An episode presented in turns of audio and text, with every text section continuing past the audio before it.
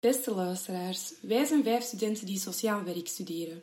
Wij hebben een onderzoek gevoerd rond het hoofddoekenverbod, omdat we nog steeds merken dat dit een groot probleem is binnen onze samenleving. We zien dat het hoofddoekenverbod een grote invloed nalaat op de identiteitsvorming van jongeren en dit vinden we uiteraard niet acceptabel. Om het gesprek hier rond terug te openen trokken Leila, een moslima, en Julie, die niet gelovig is, naar Antwerpen om samen met drie respondenten hierover in gesprek te gaan. We nodigden twee moslimameisjes en één sikjongen uit, om zo meer te weten te komen over hun persoonlijke ervaringen rond het dragen van een hoofddoek. We spraken met de 25-jarige Jasmin, die in het werkveld staat als leerkracht Nederlands. Zij draagt een hoofddoek van haar 14 jaar. De 26-jarige Jetrip, die sociaal-economische wetenschap studeert aan de Universiteit in Antwerpen, draagt haar hoofddoek al vanaf haar 13 jaar. En tot slot spraken we met Shorawar, die 24 jaar is en sociaal werk studeert in Leuven. Hij zit in een ziekgemeenschap en draagt zijn hoofddoek vanaf zijn 14 jaar. Alle drie dragen ze die met passie en trots, maar toch mocht geen een van hen deze dragen op een middelbare school vanwege het hoofddoekenverbod dat hier heerst. Ze geven alle drie aan dat dit een invloed heeft gehad op hun ontwikkeling en hun identiteitsvorming. Uiteraard kunnen zij dit veel beter verwoorden, dus laten we luisteren naar wat zij te zeggen hebben. Um, wat betekent het dragen van een hoofddoek voor jullie persoonlijk? Uh, ik ben een moslim en uh, in de islam uh, wordt de vrouw opgedragen om een hoofddoek te dragen, allee, hijab te dragen. Dus het is niet enkel en alleen het doekje dat je hebt op je hoofd. Um, ik draag hem heel graag. Um, niet alleen omdat het mij wordt opgedragen, maar ik ondervind er ook gewoon heel veel voordelen aan. En ik voel me er ook veilig in, ik voel me er beter door. Ik zou me ook bizar voelen of als ik het niet zou dragen. Ik ben dus ook moslima, dus eigenlijk wordt dat vanuit, vanuit Allah opgedragen om een, een hoofddoek te dragen, inderdaad.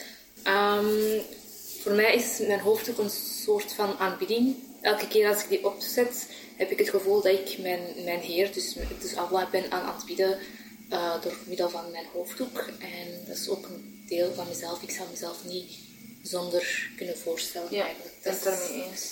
Dat is een deel van mij dat, dat hoort bij wie ik ben. Mm -hmm. Ik kan niet zonder. Dat geeft mij een stukje veiligheid. En zoals Jasmin zei, dat is niet enkel de doek die je draagt, maar uh, je kleding die je aanpast, uh, je bescheidenheid, ja. je gedrag een beetje. Gedrag ook. Uh, dat hoort er allemaal een beetje bij. Dus de hoofddoek is niet enkel het doekje, maar gewoon hoe dat je jezelf gedraagt bij het dragen ja. van die hoofddoek. Okay.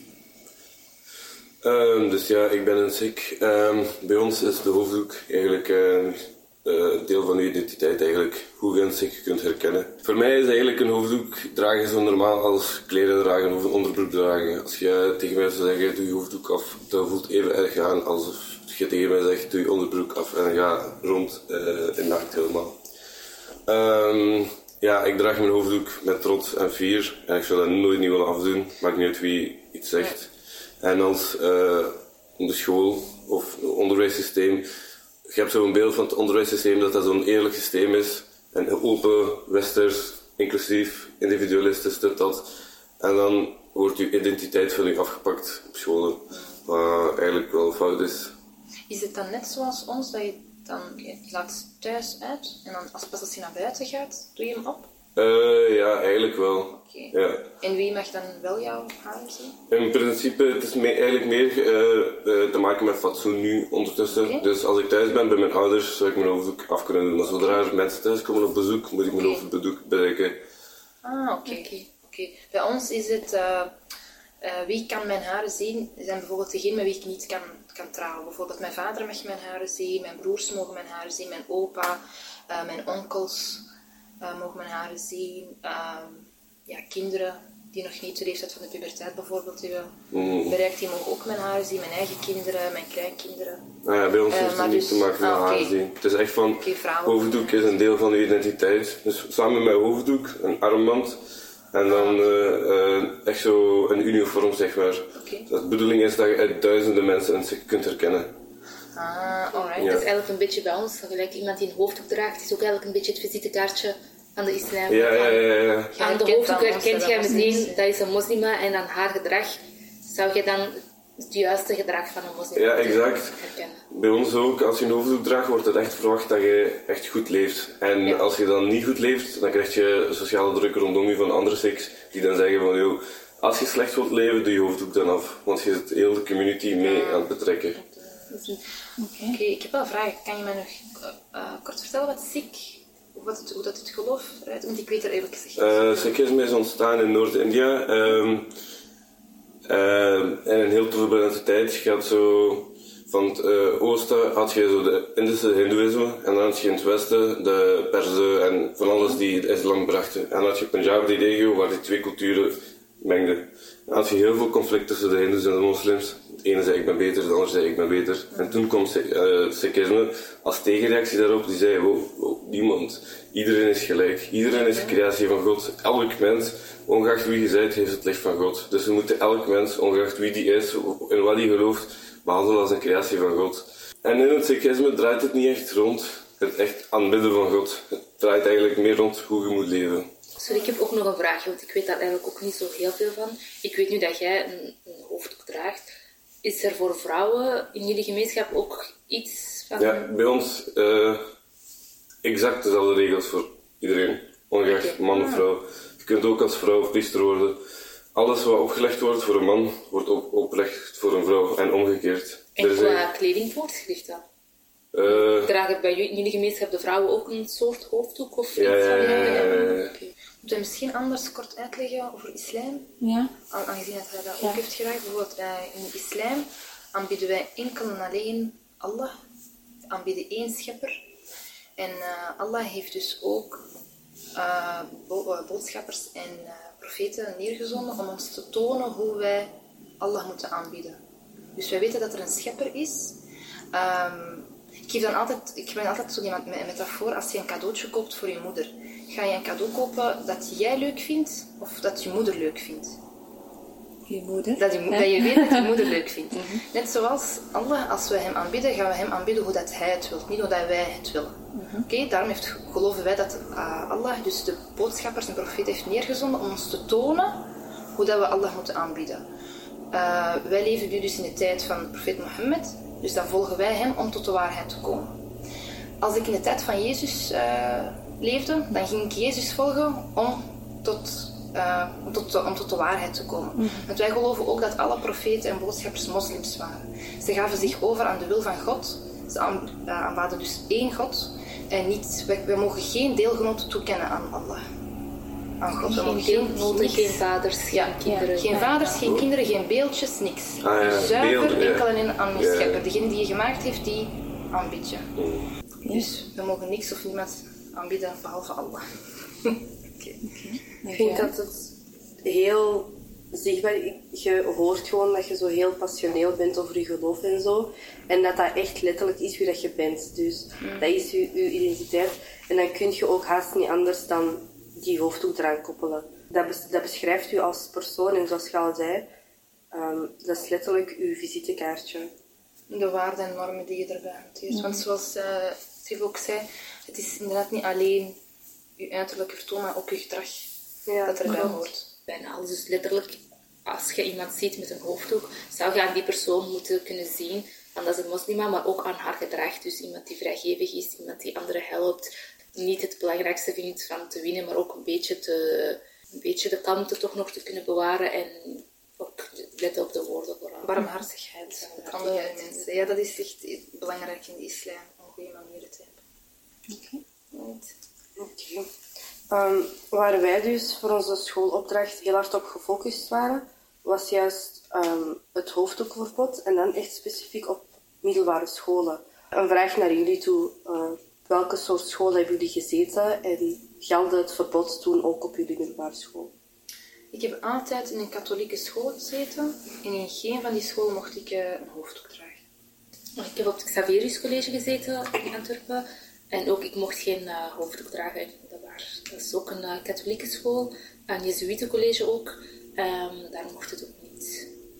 Eh, ja, ik zat eerst op een geoschool en daarna op een katholieke school. Eh, op geoschool mocht het wel, maar op katholieke school niet. Maar op geoschool, achteraf na een paar jaren, mocht het ook niet meer.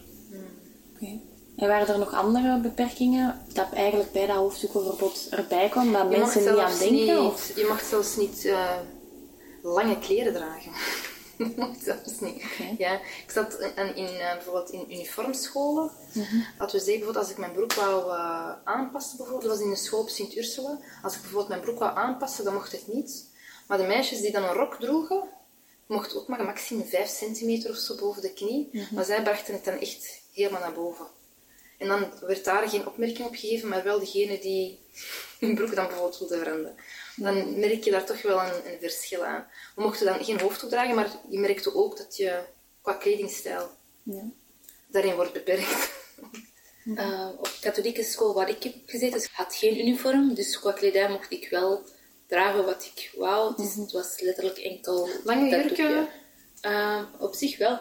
Ah, ja, maar ik herinner me nog, we hadden één, eh, op mijn andere school dan, we hadden zelfs als uniform en we hadden zelfs een dag eh, uniformloze schooldag. En ik had dus een vriendin, die had dan een lange jurk aangedaan. En ja, die werd dus echt gewoon apart genomen door de leerkracht van ja, je houdt je niet aan de dresscode, je mag geen lange jurk dragen, Bij ons was die beperking er niet Ja. qua kledij, maar je merkte wel aan bijvoorbeeld leerkrachten dat die iemand, wanneer ze iemand zagen die daar er volledig bedekt bij liep, Ja. ook al droeg die geen hoofddoek, dat die daar ook wel raar op reageerde. Ja, soms. ja, je Dus merkt was, dat, hè? Je middelbaar, merkt dat inderdaad. dat was niet echt normaal. Daar, bij, in de schoolregels werd daar geen verbod op gezet op zo'n kledij, maar je merkte wel aan leerkrachten en aan, aan mensen die daar in het onderwijs werkten dat, dat, dat ze dat raar vonden.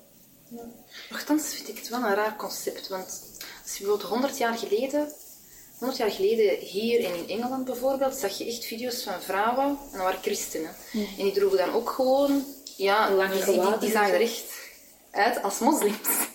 Die droegen ook een hoofddoek en hele lange wijde kleren zoals kinderen. En dan is uh, fast forward 100 jaar later, dan is het echt tegenovergestelde geworden. Op school uitstappen bijvoorbeeld of zo. Of als jullie zwemles hadden, hoe gingen jullie dan daarmee om? Want mocht het dan wel buiten de school of was het dan ook weer Ah, de, laatste, de laatste zwemles die ik heb gehad was in het eerste middelbaar. Toen droeg ik mijn hoofddoek nog niet, maar dat mocht dus niet. En op uitstappen eh, ook niet. Ja, bij mij ook niet. Of op nee. schoolreisjes. Dikke vette nee. Eindejaarsreis of zo. Ja, niks, niks. Eh, we hebben het ook nooit mogen dragen, geen uitstap, nooit. Ik, had, ik weet nog, ehm, ook Sint Ursula, ik heb zo'n nare ervaring op de school. Dat is gewoon- Ik weet nog dat we altijd zo, eh, van op de school gingen we naar de sporthal en dan wou ik altijd mijn hoofddoek dragen als we zo buiten waren. En, dat ik- dat zelfs ja, nee, ik droeg dat dus. Ik had zo'n doekje gewoon zo over mij. En eh, op een gegeven moment kijkt die leerkracht me aan en zegt hij... Nee, maar je draagt een hoofddoek. Je mag dat eigenlijk niet aandoen. Weg. Je zegt dan, zie, ik merk het zelfs niet op. Met de bedoeling van, ah, ik, ik sta er open voor. Maar denk ik van, maar ja, laat me die dan gewoon aandoen. Dat is maar zo'n kleine... Soms ehm, kon ik daar een draai aan geven door een muts op te zetten of je gaat je Ja, cap een opzetten. Ja, is maar ook. als het zomer is, kun jij niet met een hoodie gaan rondlopen. Ja. Dus. En het stomme is van zodra je uit die deur stapt, dan mocht jij die wel opzetten. Maar binnen de schoolmuren mag dat niet. En dan letterlijk, Echt we hebben een hele grote groene poort als inkom. En dan letterlijk, net naast die groene poort, zit je een, een groep van, van 20, 25 moslims die allemaal naast elkaar hun hoofddoek En zetten. dan zo Ja, ook. allemaal 10, 15, 6 die allemaal hun hoofddoek aan het binden zijn naar school. Om dan samen naar huis te kunnen Ja. vertrekken. Ja, dat is eigenlijk belachelijk. Ja, ja, als je dat zo... Dat is twee meter verschil. Ja, inderdaad. een verschil van twee meter. Maar op zo van die uitstappen, ik schaamde me echt verrot. Want bij mij, ik heb lang haar, we mogen ons haar niet knippen. Dus Ja.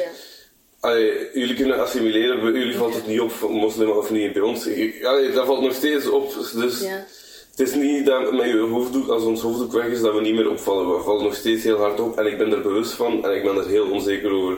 Dan ben ik gewoon continu kijken dat niemand Ja, mij ziet. ja, En zeker niet dat mijn familie mij ziet. Ja. ja dat is het ergste. Oké. En gewoon kapot schamen, gewoon. Dat is echt kapot. Maar ik, ik was gewoon heel rebels. Als het gewoon op uitstapjes was en als het gewoon met één leerkracht was of zo, dan deed ik die gewoon aan. En als die zei, doe die af, dan zei ik, ja... eh, Die kunnen je in principe niet dwingen.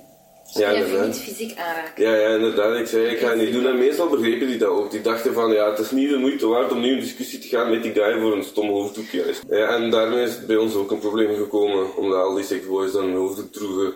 En toen kwam dat probleem ook van moslimvrouwen en toen hebben ze dat bam bij ons ook doorgevoerd.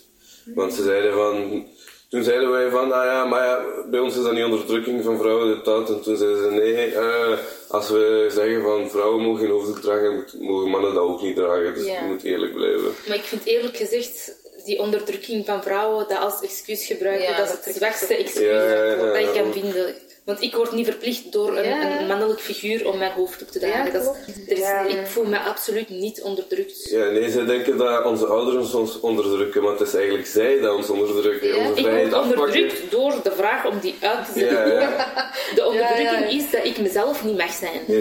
Als ik ook een punt aanhaal, dat vind ik wel een belangrijke, is er wordt ook vaak gezegd we zoeken naar neutraliteit. Maar wij zijn de enige bij wie, bij wie het echt kan zien. Bij ons zie je dat we echt een hoofddoek dragen. Hè. En dan kan je... Dat is, het voelt echt geviseerd naar ons toe. Ik ben van mening dat iemand niet echt neutraal kan zijn. Je kunt je neutraal gedragen. Ja. Je- de manier waarop dat jij met mensen omgaat, daar kun je neutraal in zijn. Maar je kunt als persoon kun je er nooit neutraal uitzien. Wat ik heel dubbel vind, is bijvoorbeeld die onderdrukking van vrouwen. Ehm, het gaat over vrouwen die hoofddoek dragen, maar het gaat ook heel sterk over de moslimman. Ja, Dan, ja. dat vind ik heel dubbel. En je gaat dan telkens ook gewoon zeggen dat moslimmannen ehm, niks anders doen dan vrouwen onderdrukken Ja. en zich inferieur voelen. En, en Ik vind dat de man daar op zich helemaal niets mee te maken heeft. Mijn Inderdaad. hoofddoek draag ik als mijn vorm van aanbidding. Er, wat heeft een man daarmee te maken? Mijn hoofddoek, dat ben ik. Je zou de hoofddoek niet dragen voor een man. Je zou hem dragen voor Allah. Ja, Oké. Het is niet dat ik mijn hoofddoek ga afzetten, dat ik me opeens anders ga gedragen, dat ik opeens andere normen heb, dat ik opeens andere waarden heb. Met of zonder hoofddoek, ik ben nog steeds barmhartig, ik ben nog steeds eh, vriendelijk, ik probeer iedereen te helpen, met of zonder mijn hoofddoek op. Mijn hoofddoek opzetten gaat niet opeens van mij een heel andere persoon maken. Of je kunt een mijn- blanke mens hebben die Ja. geen hoofddoek draagt, allee, een christelijke man, maar die dan heel racistisch omgaat met eh, zijn klanten. Dat kan ook. Je kunt niet zien aan iemand zijn uiterlijk hoe die omgaat gaat met mensen. Klopt. ja, maar ik vind ook gewoon, als je het neutraliteitsprincipe aanhaalt als argument voor het hoofddoekverbod, dat is gewoon heel raar, want dat is een norm die je oplegt die eigenlijk niet haalbaar is. Niet voor moslims, niet voor mensen van de Sikh-gemeenschap. Maar ja, snap je wat ik bedoel? Je kunt daar zo ver voor, in Voor gaan. iedereen kan neutraal. Ja, is Ja. dat t-shirts met een bepaalde slogan die dat je draagt, is dat dan wel neutraliteit Ja, misschien zo? is die huidskleur zelfs niet neutraal. Wat is neutraal? Dat is ook... Dat kan misschien voor iedereen wat anders betekenen. Ja, Maar inderdaad. dan, dan hoor je weer, ja, je bent in dit land, je moet de, de waarden en normen accepteren. In hoeverre heeft dat verbod eigenlijk effect gehad op jullie studiekeuze? Maar ik kan al een waslijst van zaken zien. Eh, en in mijn geval, eh, dus ik heb een bachelor in de HR. En ik heb elk jaar, nee voor mijn tweede en derde jaar heb ik ook altijd stages moeten doen. En je merkt echt, ik heb echt tientallen aanvragen gedaan, heel vaak gesolliciteerd. En dan is het altijd, ja, je mag beginnen, maar je mag je hoofddoek niet aandoen. Of bijvoorbeeld, en deze vond ik heel jammer eerlijk gezegd. Ehm, het was een heel internationaal bedrijf en ik heb daar een maandje als eh, management assistant gewerkt. En ik mocht daar mijn hoofddoek aan houden, maar dat was dus een heel internationale omgeving, dat departement. Er kwamen ook mensen van overal.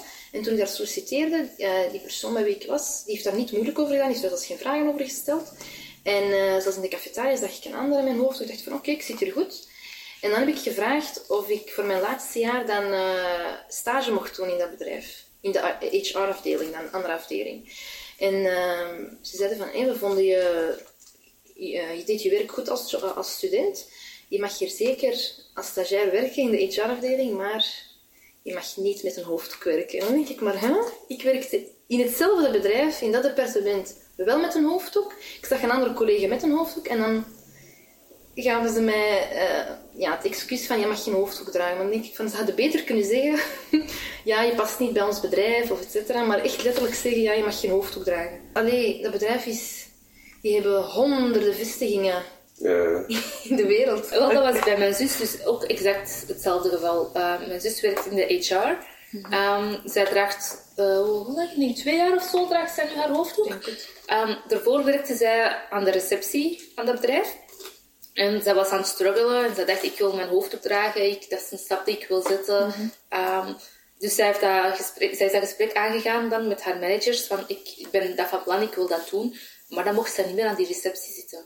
Zie, dat is ook dubbel, hè? Dus als je aan de receptie zit, mocht je geen hoofddoek dragen. En zij werkt nu nog steeds voor datzelfde bedrijf, maar in een andere functie, waar dat zij letterlijk achter het hoekje van de receptie zit.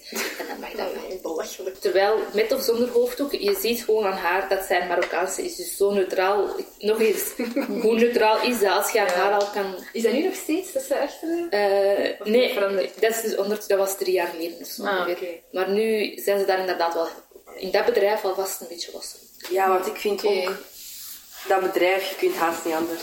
Maar, er zijn heel veel bedrijven, maar ook Dat is door haar... scholen. We, we even benadrukken dat dat door haar komt dat ze losser zijn geworden. Zij is dat gesprek blijven aangaan.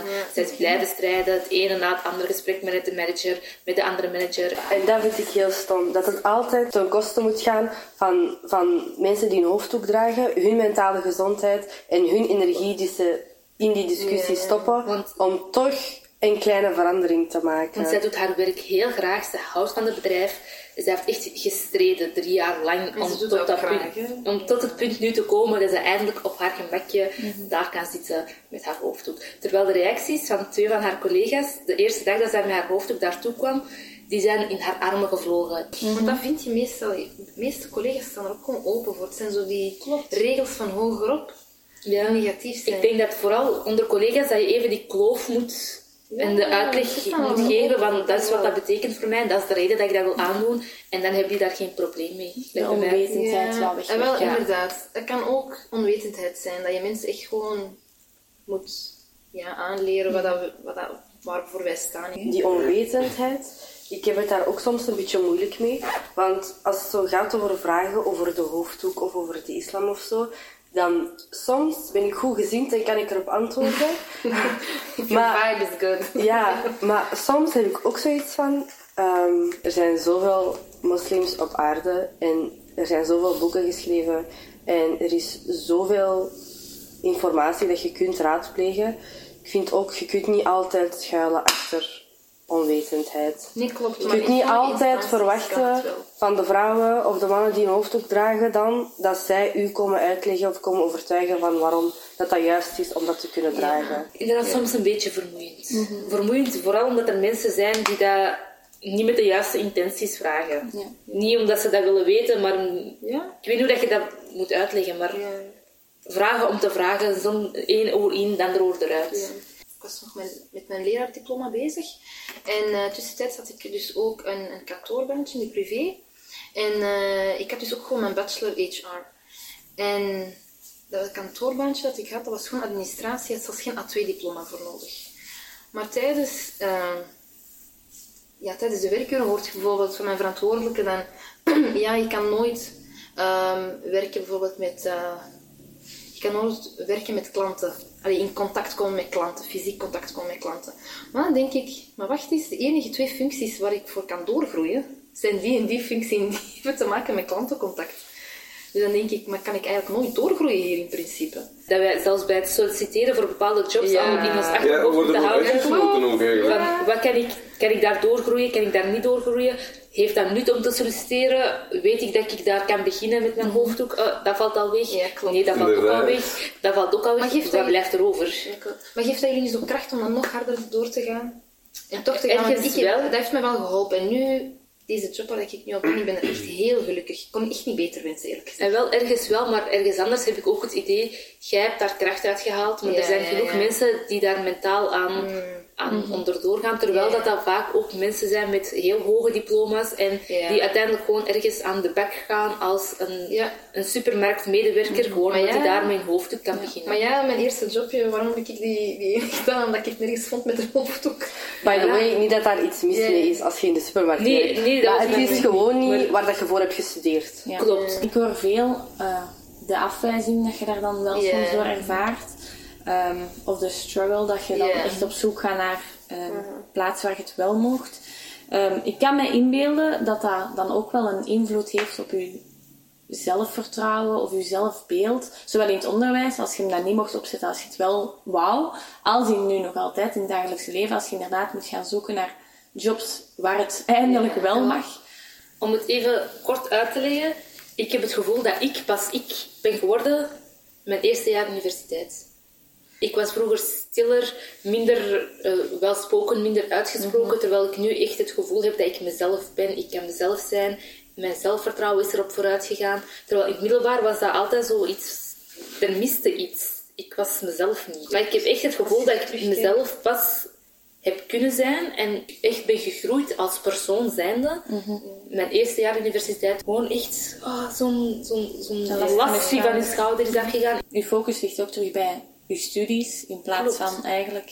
Je, je, je, bent gegroeid als persoon, je kunt je focussen op wat, dat jij, wat dat jij daar komt doen en niet op andere dingen. Like, van, wat gaan die ervan denken als ik een hoofddoek draag? Of wat gaan die ervan denken als ik lange kleding draag? Of gewoon jezelf. Ik kan daaraan toevoegen, um, in ons geloof heb je wie iets laat omwille van Allah, mhm. Allah schenkt hem iets beters in de plaats.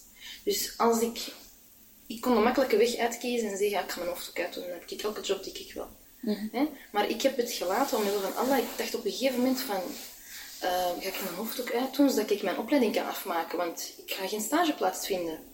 Snap je? Mhm. Maar dan dacht ik in eigen, maar nee, hè? ga ik dat echt uitdoen, gewoon vanwege deze opleiding? En dan echt last minute vind ik gewoon een stageplaats, waar ik mijn hoofddoek mag dragen, waar de leerlingen zalig zijn, waar het mijn stagementor heel, gewoon een top mentor was ook dan denk ik van ja, zie, dus ik moet, moet gewoon volhouden. Ik krijg hier echt het beste uiteindelijk. Heb jij een ervaring, Nieuwe? Uh, ja, in het middelbaar, ik had geen keus. Dus, uh, dus leerplicht tot 18 jaar. Uh, dus ik had geen keus. Als het aan mij lag, zou ik gewoon gestopt zijn met school. Maar ja, dat ging niet. Maar ik weet van andere families die legit gewoon verhuisd zijn, verhuisd zijn naar Engeland, omdat ze niet wilden dat hun kinderen geen hoofddoek allee, zouden mogen dragen op school. Wat ik helemaal begrijp. Uh, ik denk dat ik zelf tegen mijn ouders toen ook had gezegd van papa gaan we ook niet verhuizen naar Engeland waar het wel mag.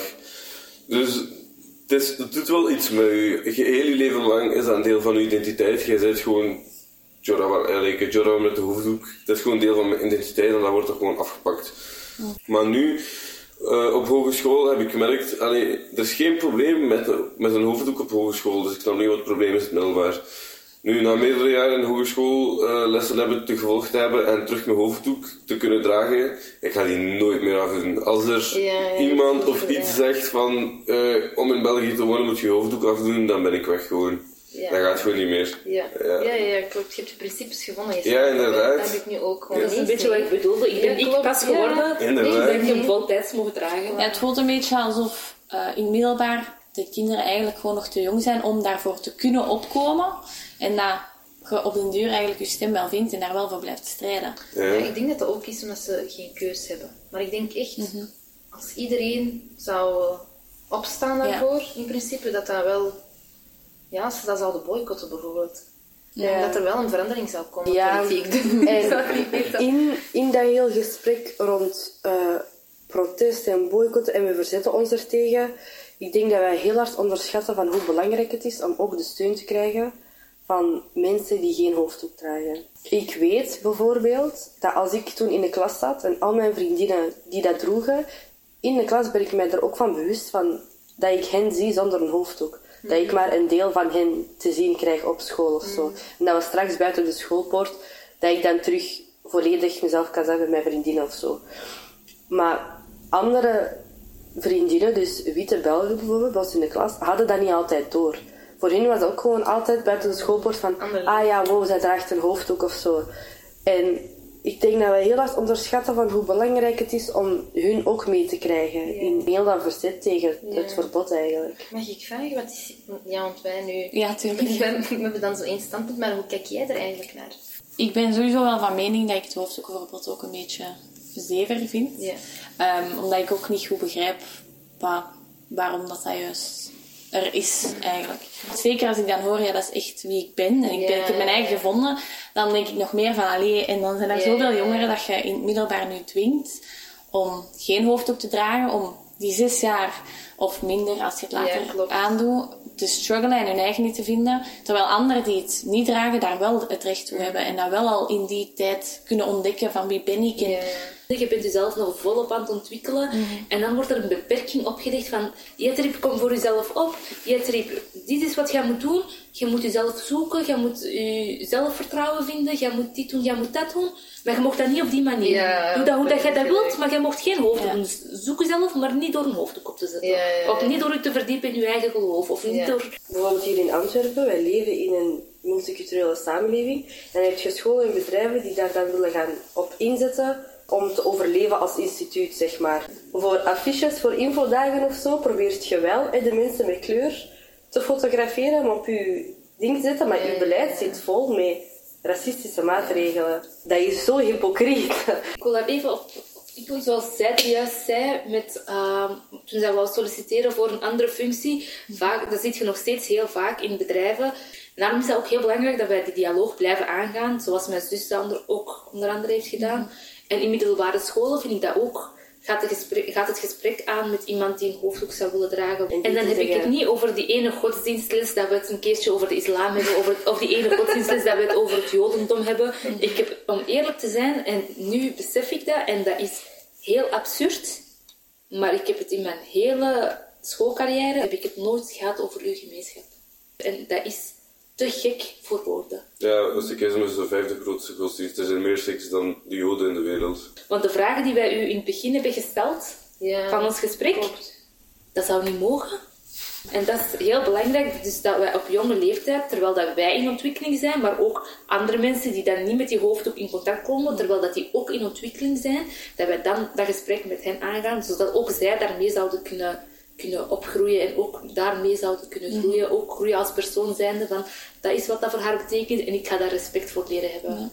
De oplossing, oplossing ligt verder dan enkel zeggen, zet die maar op en dan gaan we gewoon verder. Het is ook echt het... Het gesprek, Het gewoon, het, het, ja. het niet enkel het zien dat iemand een hoofddoek op heeft, maar een beetje te weten van wat betekent dat voor die persoon om haar hoofddoek te kunnen dragen of, of om zijn hoofddoek te kunnen dragen. Als er in België vrijheid van meningsuiting is of vrij, ook... eh, Vrijheid van godsdienst, Ja, maar er is geen vrijheid van Ja, godsdienst nee. als ik mijn hoofddoek niet mag. Nee, op daarom school. voel ik me een tweederangs burger. Je hebt zo de witte Ja. Belg, die mag alles. En dan heb je wij. Ik mag een moslima zijn, maar ik mag in mijn middelbare schoolcarrière niet tonen dat ik Ja. een moslima ben. Basically komt het daarop. Dus dan is het eigenlijk een grotere vraag. Dan is het niet gewoon iemand neutraal zijn, dan is het misschien meer Ja. naar de islam toe. Ja, ik, ik heb dat al vaker Ja. gezegd. Er is niet echt iets als Ja. neutraal zijn. Er is godsdienstvrijheid zolang je niet dat kiest. Ja. maar ja, Joden, die hebben hun eigen school, die hebben hun eigen gemeenschap, die hebben hun eigen alles. Dus het kan zijn dat zij, wel, dat zij ook worden Ja. afgeremd door die reden van je Ja. mag En dat niet zij- opzetten. En ze ook zeggen, daar is echt de grens. Dan gaan wij niet naar jullie middelbare school. En dan zorgen we zelf wel... Dat is ook logisch dat als je nergens wordt geaccepteerd en bij, bij Joden gaat dat heel ver. Die, we, die zijn heel lang nergens geaccepteerd geweest. En dan heb je ook zo'n mindset van oké, maar dan creëren we onze eigen instituten. Dan overleven we wel op onze eigen manier. En dat, Ja. dat is heel jammer dat dat zo moet zijn. Maar ik vind dat ergens ook echt wel logisch en ook wel hun recht of zo, zeg maar. Ik vind dat in principe aan één kant vind ik het niet zo erg als er bijvoorbeeld nu een, een school zou zijn waarin je alleen maar islam kan krijgen. En bijvoorbeeld geen andere godsdiensten bijvoorbeeld. En het, heb je het gevoel dat je ervaringen ervoor zorgen dat je dat idee hebt gekregen over het schoolsysteem? Of zeg je nee, niet per se, dat, dat is het eigenlijk los Maar ja, je ervaringen vormen je ook tot persoon. Maar ik bedoel, als ik het middelbaar, ik heb nooit islam gekregen op school. Ik zou dat heel tof vinden als ik naar school zou gaan, want ik geloof in de islam. En ik wil graag over islam meer leren. Ehm, ik, ja, ik vind het belangrijk dat we dan kennis leren die voor mij, die nuttig is voor mij. Ik geloof in de islam, dan is het voor mij niet nuttig als ik bijvoorbeeld zo en zo en zo zou gaan leren. Ik, ik volg ergens ook wel eh, het idee van dat je wel elke les moet volgen dan. Niet alleen dan het geloof dat jij hebt. Ik vind wel, of dat er nu moet of niet, dat is, dat is je eigen keuze. Maar ik ben wel van mening, ik persoonlijk zou het zou elke godsdienst volgen of ik zou over elke godsdienst wat meer willen weten. Ook gewoon omdat je dan eh, Die kloof ook tussen de dingen. de kloof, maar ook gewoon, je komt ook veel meer te weten over je eigen geloof als je andere geloven ook Maar praat je meer alleen kent. middelbaar of praat je dan ook over de hogeschool? Oh, ja, nu over het middelbaar, hè, maar hogeschool is, is nog iets helemaal anders. Ja. Ah, het middelbaar is zo'n speciale... Ja, Dat is heel. Ja, ho- hogeschool is gewoon totaal, totaal anders. En ervaarde je dan ook, ehm, want ja, op de hogeschool mochten jullie dan wel een hoofddoek Ja, we mochten een hoofddoek dragen, de studenten waren aangenaam, leerkrachten waren ook aangenaam, normaal. Minder uitsluiting, kan ik zeggen, minder Ja, ja, uitsluiting in hogeschool Ja, ja, dan dat je hogeschool, in Nee, middelbaar? ik heb daar geen... Ik heb nooit uitsluiting ondervonden. En wel Op bij hogeschool, ons in nee, Tenerife leerkracht of unief, nee, nooit. Dan begin ik te denken, waarom moest ik wachten tot als ik 18 ben om mezelf te vinden? Waarom Ja, komt dat niet normaal. in Daar heb het ik middelbaar? eh. Kunnen jullie misschien vertellen van wat dat de positieve aspecten zijn van het dragen van een hoofddoek die andere mensen vaak over het hoofd zien? Die niet voor de hand liggend zijn of zo. Andere mensen die ook een hoofddoek eh, dragen, daar heb ik zo'n gevoel van verbondenheid, verbondenheid mee. En ook een eh, sens van empathie. En ja, we willen instinctief el- elkaar helpen, we horen bij elkaar, er is een soort van liefde. En mijn hoofddoek dragen is ook een deel, van, eh, deel zijn van mijn gemeenschap. Eh, ja, voor mij heeft het heel veel voordelen gehad. Ook, eh, vooral hier in Europa. Een hoofddoek dragen maakt u eigenlijk heel uniek. Overal waar ik naartoe ga, ook al het na vier jaar, na vijf jaar, mensen herkennen mij. En mensen zijn even enthousiast om me terug te zien na vijf jaar, omdat ze weten dat ze die gaan met zijn hoofddoek. Ik wil wel opvallen met mijn hoofddoek en ik draag dat met trots. Dus ja, daarom is dat wel positief voor mij. Ik denk dat voor mij een beetje het positieve aspect van mijn hoofddoek is, inderdaad dat ik probeer een juist visitekaartje te zijn van wat mijn geloof juist inhoudt. Wat voor mij heel positief is, inderdaad dat gevoel van verbondenheid. Dat wij met elkaar hebben van indirect, weet jij, die heeft dezelfde struggles gehad, die heeft ook gestreden, die heeft een beetje hetzelfde meegemaakt wat dat ik heb meegemaakt. Maar ook ehm, een heel aantal collega's daar met een christelijke achtergrond, met een, met een Joodse achtergrond zelfs, met heel veel, een, eh, heel veel verschillende achtergronden, die dat daar ook gewoon accepteren en wie dat jij daar rustig op je gemakje dialoog kunt aangaan. En die zien u als jou. Die zien mij als persoon, ik ben deze persoon en die respecteren mij voor wie dat ik ben en niet voor de, de hoofddoek die ik draag of die dat ik niet draag. Ik vind in sommige gevallen, sommige gevallen dat mijn hoofddoek als, als iets dient om die kloof een beetje minder groot te maken. Soms Ja. helpt dat wel. Wat ik daaraan moet toevoegen is, ik heb nu bijvoorbeeld heel veel cursisten eh, die, ja, die van overal in de wereld komen en ze vinden het ook heel aangenaam om eens een leerkracht te zien van een andere origine. Ik had dan ook andere collega's die dan zeiden, amai, dat is keigoed van onze school dat ze dat dan nu wel toelaten, eindelijk. We zijn een beetje progressiever, het is aangenaam om ook eens een leerkracht te zien met een hoofddoek. Inderdaad, dat jij een heel goed Ja. aanhaalt. Want een hoofddoek dragen in het middelbaar, dat heeft niet enkel... Dat hoofddoek bijvoorbeeld heeft niet enkel effect op de leerlingen, maar ook op de leerkrachten. En jonge leerlingen, nog in de bloei van hun leven, die nog zichzelf zijn aan het vinden, dat die ook iets van... van, van Voorbeelden. voorbeelden, Ja, van een rolmodel, van ja. identificatie kunnen vinden. Ja, want je hebt vooral ook ehm, die structurele discussie van wie staat er voor de klas, wie zijn de leerlingen, ehm, welke kennis bied je aan en zo. En ik heb ooit ergens gelezen, en dat is me altijd bijgebleven, ehm, dat was iemand die had geschreven, die zei, eigenlijk zijn scholen niet gemaakt voor jongeren met een migratieachtergrond. Want die zijn gemaakt voor witte leerlingen Ehm, de kennis die dat je krijgt komt uit misschien vier Europese landen. En ook al zijn ze het niet eens met elkaar, is er kritiek op elkaar, is dat nog steeds binnen die vier landen of zo. Onze migratie, dat is, dat is onze geschiedenis, wij komen van gastarbeiders en zo. En dat zorgt ervoor van dat je je eigenlijk nog steeds te gast voelt of zo. Zelfs in een school die zo gezegd voor leerlingen Ja, klopt. Maar ik van deze ook- tijd is gemaakt. Ja, maar ik ga heel eerlijk zijn, ik ben hier geboren, maar ik voel me veel meer Marokkaans dan, Maar ja, voilà. niet... Want deze instituten en scholen zijn niet gemaakt voor mensen zoals ons. Ja, maar aan de ene kant vind ik het ook niet erg om je eigen identiteit te hebben. Oké, ik, ben dan, ik ben hier geboren inderdaad, maar ik hou me zo hard vast aan, eh, aan de Marokkaanse identiteit, aan de islam. Weet je, jij bent heel sterk in dat, hè. En je hebt, je hebt echt zo je principes.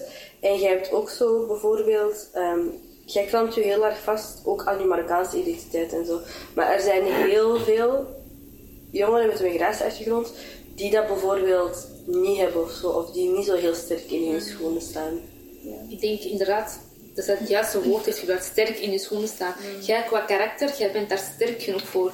Maar iemand anders misschien niet. Iemand anders, een, een, een jong, een kind, dat nog is aan het groeien en dat dat dan ook opmerkt, die ziet geen rolmodellen in het, in middelbaar onderwijs onder andere.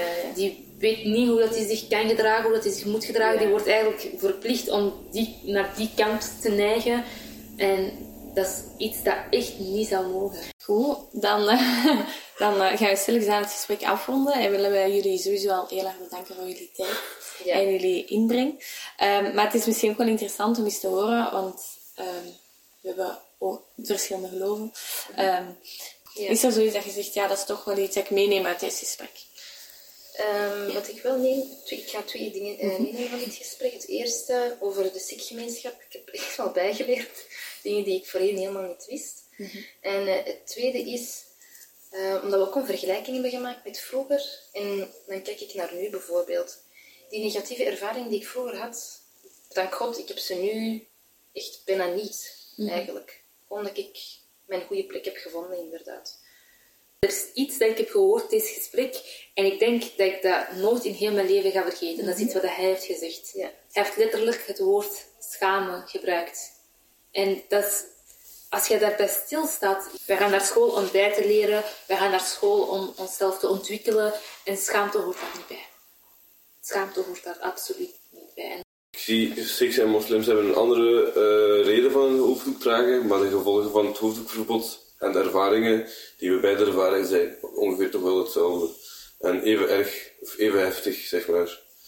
Wat misschien ook niet zo heel onbelangrijk is voor ons, omdat wij, ja, wij studeren sociaal werk en wij proberen goede sociaal werkers te worden. Ehm, maar omtrent dit onderwerp zijn er dingen die sociaal werkers vandaag de dag over het hoofd zien of zo. Of, Ik denk persoonlijk dat jullie ehm, wel dicht genoeg bij de doelgroep zitten, maar niet op de juiste leeftijd. Ik vind persoonlijk dat dat op een jongere leeftijd moet kunnen om mensen aan die hoofddoek te laten werken. De stem van de jeugd eigenlijk wat proberen naar boven te brengen en die, die kracht misschien wat mee te proberen Klopt. geven. En niet enkel de jeugd die een hoofddoek draagt, maar een beetje meer een, een, een tighter community vormen met de volledige jeugd. Als, Ehm, ik zou zeggen, er moet eh, meer gepraat worden met eh, scholen en directies en in dialoog gegaan worden van wat zijn de problemen. En dan die problemen dan allee, fatsoenlijk discussiëren en beantwoorden van eigenlijk is dat geen probleem. Allee, gewoon hun laten inzien dat hun denkwijze helemaal verkeerd is en dat dat veel meer schade heeft dan dat dat positieve effecten heeft. Eh, als we hun niet kunnen forceren om hun gedachten te veranderen met eh, het gerecht, moeten we hun gedachten veranderen met dialoog, vind ik. Gewoon met praten van, oké, jullie zijn ook mensen met empathie, probeer ons te begrijpen. ja, ik denk dat het heel belangrijk is voor sociaal werkers om eh, politiserend te werk te gaan. Zeker dat we niet meer moeten gaan kijken naar, oh, en die getuigenis en, en Germen zei, wat zij heeft meegemaakt, en het is luisteren naar haar. Ja. Want zo blijf je bezig. Wij hebben nu, wij hebben de cijfers, er is onderzoek gedaan, je hebt getuigenis, het probleem is er. En we moeten eigenlijk niet meer blijven praten over het probleem en bewijzen dat het bestaat, maar gewoon ervan uitgaan van het is er nu, maar nu gaan we hogerop en wat, wat doen we daaraan of zo. Er zijn er dan dus ook problemen met een, eh, een werk te, te zoeken, maar dan zijn er keihard leerkrachten nodig. Maar dan is het, nee, je mag toch niet werken? dat is frappant. dat Dus is eh je erg, moet dus beseffen hoeveel mensen er dan wel als leerkracht kunnen werken met een hoofddoek. hoeveel leerkrachten dat er aangenomen worden zonder de juiste competenties te Ja, hebben. klopt. Gewoon om een leerkracht te hebben. Terwijl dat er Ja, genoeg ja, ja. leerkrachten zijn, of toekomstige leerkrachten zouden kunnen zijn, Ja. maar die gewoon niet aangenomen worden door een hoofddoek. Ik heb er wel vertrouwen in. Ik Ja. ook wel. maar- Ik ben heel lang heel pessimistisch geweest. Nee, hè. positief, hè? Oh nee, maar ik was, oh, ik was zo pessimistisch over dit. Ja, een heel lange periode was ik hier heel... Ik had geen hoop of zo. Ik zag het niet goed komen in de komende 20, 30, 40 jaar of zo. Maar nu heb ik echt zoiets van... Maar misschien is dat ook omdat wij sociaal werk studeren of zo. heb ik zo wat Ik meer... heb dat ook wel. Zo wat, begin het meer te begrijpen dat het wel kan. Ja, ja, ja. Dat er een andere manier is. Ja, nice. Nee, maar ik zit wel hoe komen Wat is het meest Wat is ja? Oh, ja, ik vind het heel moeilijk om één ding te kiezen eigenlijk. Ik had al veel gehoord op school via Leila of via Java. Ehm, maar ik denk, uh, wat jullie vertelden over... Je zei op een bepaald moment ook, ja, de moment dat ik mijn hoofd ook opzette, dan voelde ik echt, ja, deze, ik heb mijn eigen gevonden. Uh, ik denk dat vooral, zo, dat dat wel echt... Ik had nooit volledig kunnen begrijpen, um, dat ik dat niet, ja, zelf niet heb. Maar wel dat gewoon dat besef, want het is echt veel meer dan... Ik wist dat wel ergens, maar als je dan zo dat toch nog eens hoort... Um, en dat is gewoon niet oké, als je hoort dat je inderdaad al bepaalde jobs niet aanneemt, of misschien zelfs sommige mensen die bepaalde studies niet gaan doen, omdat ze weten, ja, ik heb daar eigenlijk geen toekomst in als ik mijn eigen wil zijn. En dan denk ik wel, maar dat is ook geen samenleving waar ik wil instaan. Ja, ik ga ook wel iets aan toevoegen. Um, ik bewonder jullie zelfvertrouwen gewoon heel hard. Mhm. Ik heb echt het gevoel van de dag dat ik hoofdstuk begin te dragen, iets over voor je beetje. dat, gevoel heb ik echt. Ik, ik bewonder dat, ik heb er heel veel respect voor. En ik heb het warm gekregen. Oh. Maar straks een goede groepsgevoel. Uit het groepsgesprek komt het sterk naar voren hoe een hoofddoek een deel van iemands identiteit is. Door deze in scholen of binnen bepaalde jobs te verbieden, zorg je ervoor dat niet iedereen zichzelf kan zijn. De kinderen in het middelbaar worden gedwongen zichzelf pas te ontwikkelen na het middelbaar, waar anderen het privilege hebben dit reeds gedurende de zes jaar ervoor te doen. Door een verbod op te leggen op het dragen van een hoofddoek schendt je een basismensenrecht dat zegt dat je de vrijheid hebt om je geloof te uiten. Met of zonder hoofddoek, dit verandert voor hen niet. Wel zorg je ervoor dat sommige jongeren zich slecht voelen wanneer ze gedwongen hun hoofddoek, een deel van wie ze zijn, moeten afzetten. Dit zorgt voor een breuk in de ontwikkeling bij sommige van onze jongeren. Het is dus duidelijk dat we voor een gelijkheid voor de ontwikkeling van alle jongeren ons moeten blijven verzetten tegen het hoofddoekenverbod binnen de scholen. Ook binnen het werkveld is het belangrijk ervoor te zorgen dat iedereen zichzelf kan zijn. Neutraliteit bestaat niet. Wij als sociaal werkers kunnen hier iets voor betekenen. We staan dicht genoeg bij de doelgroep, maar op de foute leeftijd. We zouden meer moeten focussen op jonge kinderen, zodat zij van kleins af aan beseffen wat de betekenis erachter is en zo er met respect mee kunnen omgaan. Ze moeten bewust worden op jongere leeftijd, zodat het een verschil zal maken op de werkvloer. Het is van groot belang om hier via politiserend werken mee aan de slag te gaan en de stem van de jeugd hoger op te laten luiden. We hopen dat deze podcast mensen en scholen bereikt en hen aan het denken zet over de nadelen die het hoofddoekenverbod met zich meebrengt. De nadelen zijn duidelijk gemaakt door onze sprekers. Laten we luisteren en zorgen dat deze verhalen niet opnieuw verteld moeten worden door de jongeren van nu. Bedankt aan de twee interviewers en uiteraard ook aan de drie respondenten voor hun inzet.